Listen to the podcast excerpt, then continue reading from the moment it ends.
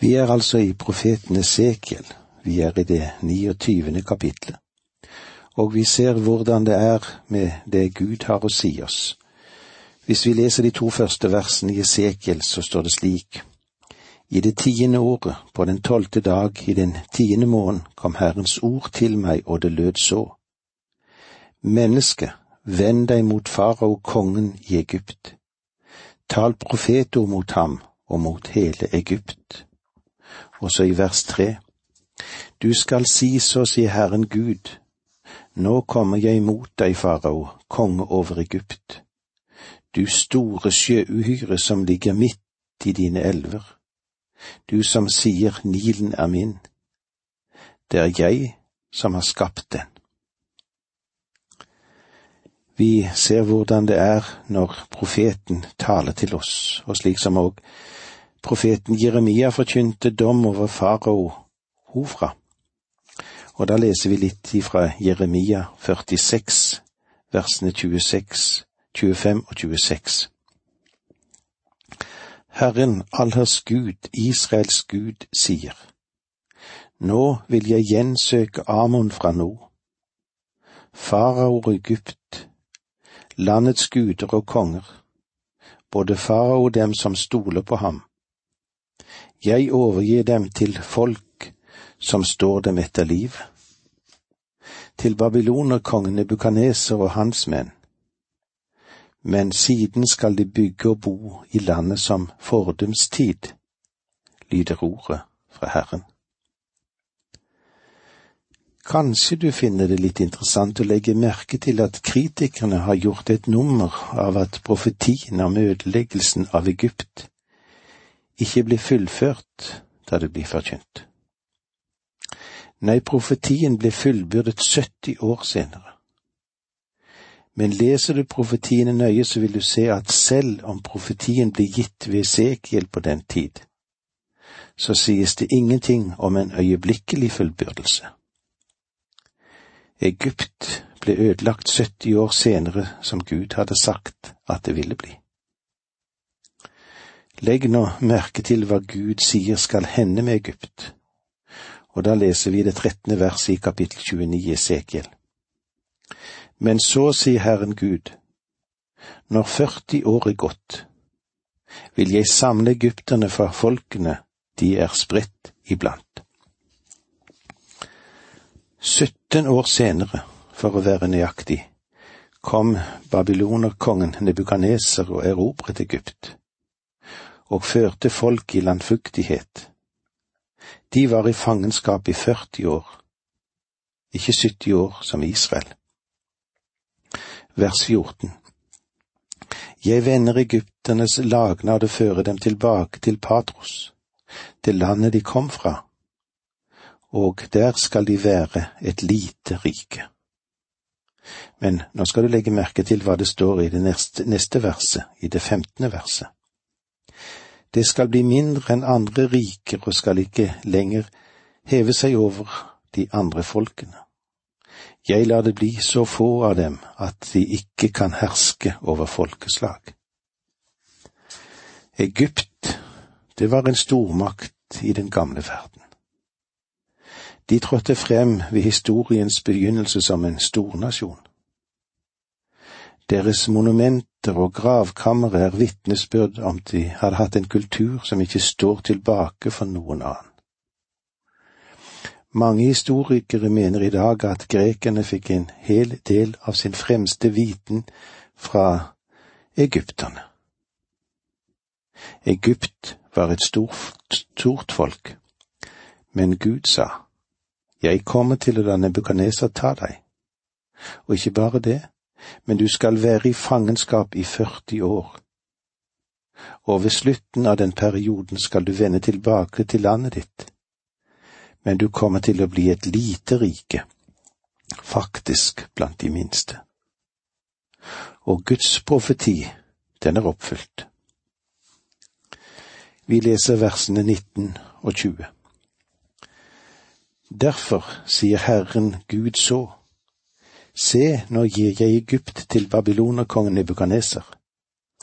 Han skal føre bort rikdommen der, røve, rane og ta bytte, og det skal hæren få som lønn.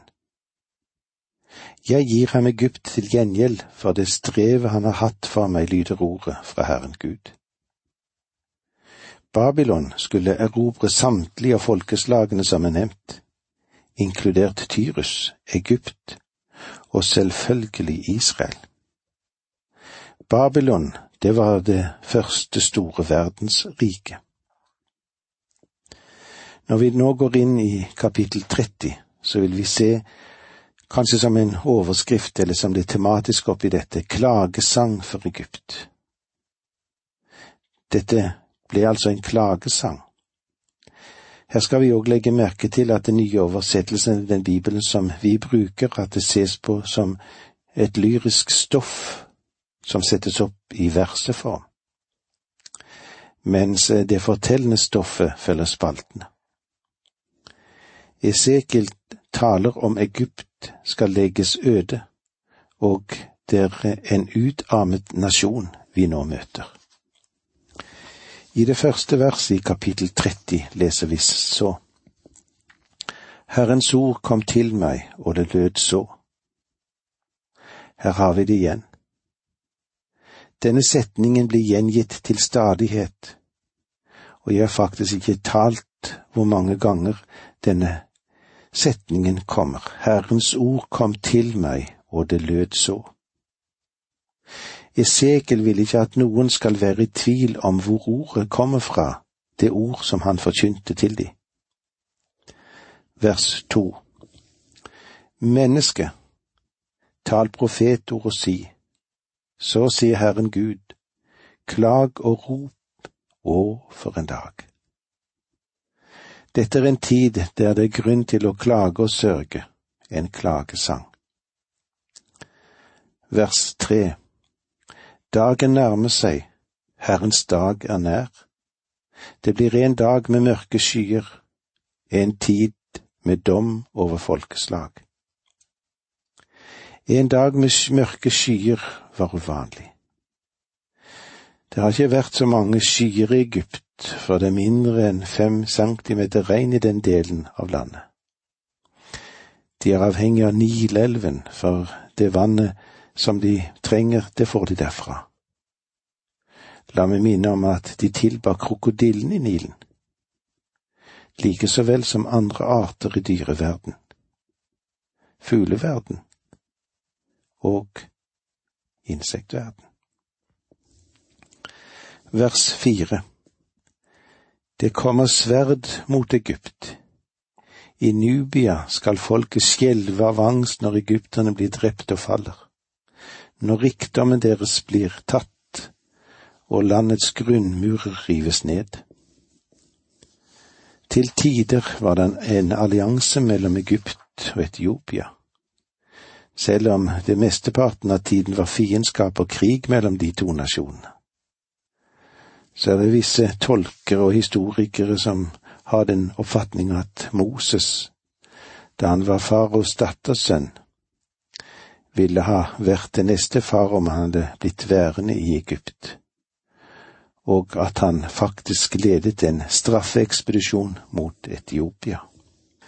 Vers fem De som bor i Nubia, Putt og Ludd, alt blandingsfolket og libyerne, og menn i landet de har pakt med, skal falle for sverdet sammen med dem. Og eh, med disse ordene må vi si takk for nå. Må Gud være med deg. Dette undervisningsprogrammet består av to deler. Åge Nevland fortsetter nå med andre del av dagens undervisning. Vi er i profeten Esekiel, vi er i det trettiende kapitlet, og eh, vi vil stoppe litt opp for klagesang for Egypt, som vi finner det i dette kapitlet. La oss lese sammen vers fem. De som bor i Nubia, Putt og Ludd, alt blandingsfolket og libyerne, og menn i landet de har pakt med, skal falle for sverdet sammen med dem. Da denne profetien som vi her har lest ble forkynt, var det en pakt mellom de nevnte folkeslagene. Men alle skulle bli Nebukadneser sine undersåtter. Han ble faktisk en verdenshersker. Han, ja, han er faktisk det hodet av gull som vi møter i Danielsprofetiene, som du kan se om i kapittel to i Daniels bok, der det tales om de fire store verdensriker. Vers seks her i Esekiel kapittel 30. Så sier Herren, de som støtter egypterne skal falle. Deres stolte makt skal bryte sammen. Fra Migdol til Syene skal de falle for sverd, lyder ordet fra Herren Gud. Ikke bare Israel, men alle disse nasjonene hadde satt sitt håp til Egypt, og de ville alle sammen bli dømt. Vers tolv. Gjelder elvene tørke ut og selger landet til onde menn, både det og alt som er i det, la jeg fremmede ødelegge. Det er jeg, Herren, som har talt. Disse elvene som vi har sett før, er eh, de forskjellige forgreininger av Nilelven, og det var mange av dem. Det var også en del kanaler gravd i dette fruktbare området. I nærheten lå området Gosen, der israelittene slo seg ned da de først kom til Egypt. Jeg lar elvene tørke ut og selge landet til onde menn. Egypt falt senere for Karl den stores angrep da han døde, tok hans generaler over landområdet som han hadde vunnet. Kleopatra, som ikke var en egypter, men en greker, hersket over Egypt. Både det og alt som er i det, la jeg fremmede ødelegge. Fremmede er utlendinger. Egypt kom under fremmede folkeslags styring. Og kanalene, hva med de? Jo, de raste igjen. Deler av dette området er en stor sump og har aldri blitt gravd opp igjen. Gud hadde sagt at han ville ødelegge landet, og slik er det til nå. Og så møter vi da en forunderlig profeti i vers 13 her i Esekiel 30. Så sier Herren Gud, jeg vil gjøre ende på avgudene, utrydde de gangløse gudene i Noff. Det skal ikke lenger være noen fyrste i Egypt. Slik sprer jeg frykt i landet. Jeg vil utrydde de gangløse gudene i Noff. Noff er Memphis, og på Esekels tid var det den store byen i Egypt. Og det var en meget velstående by, men med en utrolig mengde avguder. På begge sider av alle gatene sto det avbildinger av avgud etter avgud. Vet du, dette var byens utsmykning. Intet annet sted har noensinne hatt en slik overflod av avgudsbilder som Memphis hadde. Og her sier Gud at han vil utrydde de gangløse gudene i Noff. Det som nå er tilbake av Memphis blant alle ruinene, er en stor statue av Romes, eller Rames. Den ligger på ryggen, og det er bygget et hus rundt den for å ta vare på denne statuen. Og det er det eneste som er igjen i Memphis. Gud gjorde nøyaktig det han sa at han ville gjøre. Han utryddet de gangløse avgudene. Det skal ikke være noen fyrste i Egypt. Det er ikke noe kongelig linje i Egypt. Og det spørs om noen av herskerne etter den tid kan kalles for stormenn. De har alle behøvd å ha sterke allierte for å få hjelp og støtte i vers 15. Jeg lar harmen gå ut over sin, den sterke festningsbyen Egypt, og utrydder folkemengden i nord.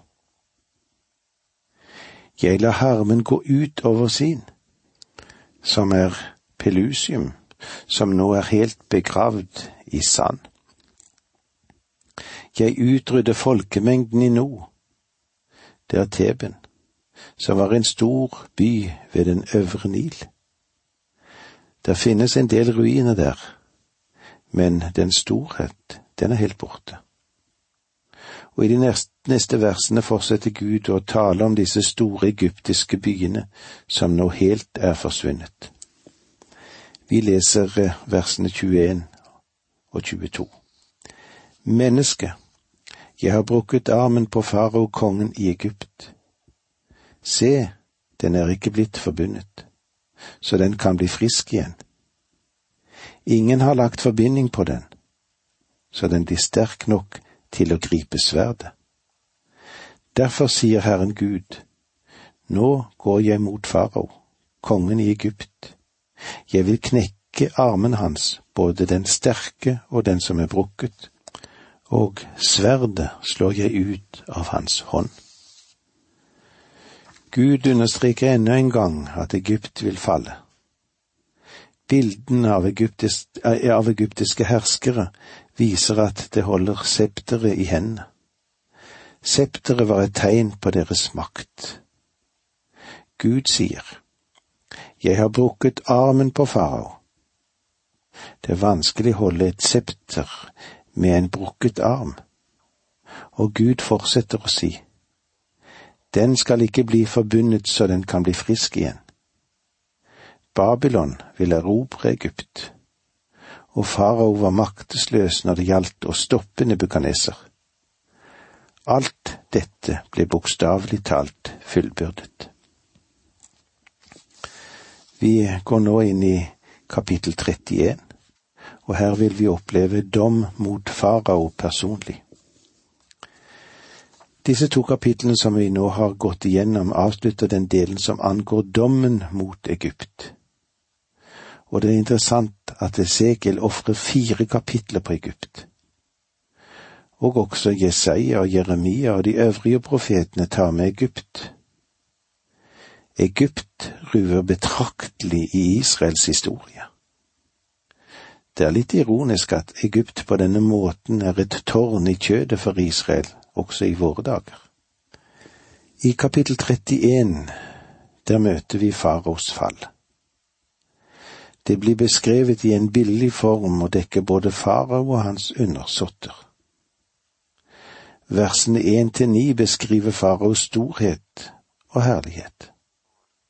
Versene ti til fjorten forteller om Egypts fall i lignelsen om treet og vi har versene 15 til 18 klager over det falne treet og de kriser som møtte verdens folk på grunn av det. Det har samme virkning på den tid som det ville hatt i dag om for eksempel USA falt i løpet av en natt. Det ville sannelig ha endret verdens historie. Men eh, nå håper jeg at du har lagt merke til hvor viktig Esekiel-boken er. Det er en bok som åpenbarer Herrens herlighet og det faktum at vår Gud er en hellig Gud som dømmer synd. Men her vises også Gud sin barmhjertighet, og her får vi òg oppleve Hans godhet. Han elsker menneskene. Han ønsker å frelse den menneskelige familie, og han vil ikke at noen skal fortapes, men han dømmer også synd. Han har til hensikt å dømme. Han vil ikke spare noen om de avviser hans nådige tilbud. Det var det som hendte med Israel, og det var det som hendte med Egypt. Egypt ble dømt på bakgrunn av det lys det hadde, og mye lys var gitt til dette folket. Faraos storhet og herlighet. La oss lese vers to i kapittel 31 i Esekiel. Menneske, tal til farao kongen i Egypt og til folkemengden der. Hvem ligner du i din storhet? Gud erkjente Egypts storhet. Kanskje mer enn 2000 år hadde dette kongeriket dominert verden. Det var verdens kornkammer, fordi det ikke var avhengig av regn. Nilelven flommet over hvert år og ga nok vann til alle vekster. Det var en nasjon med en veldig makt. Og med disse ordene må vi si takk for nå. Må Gud være med deg.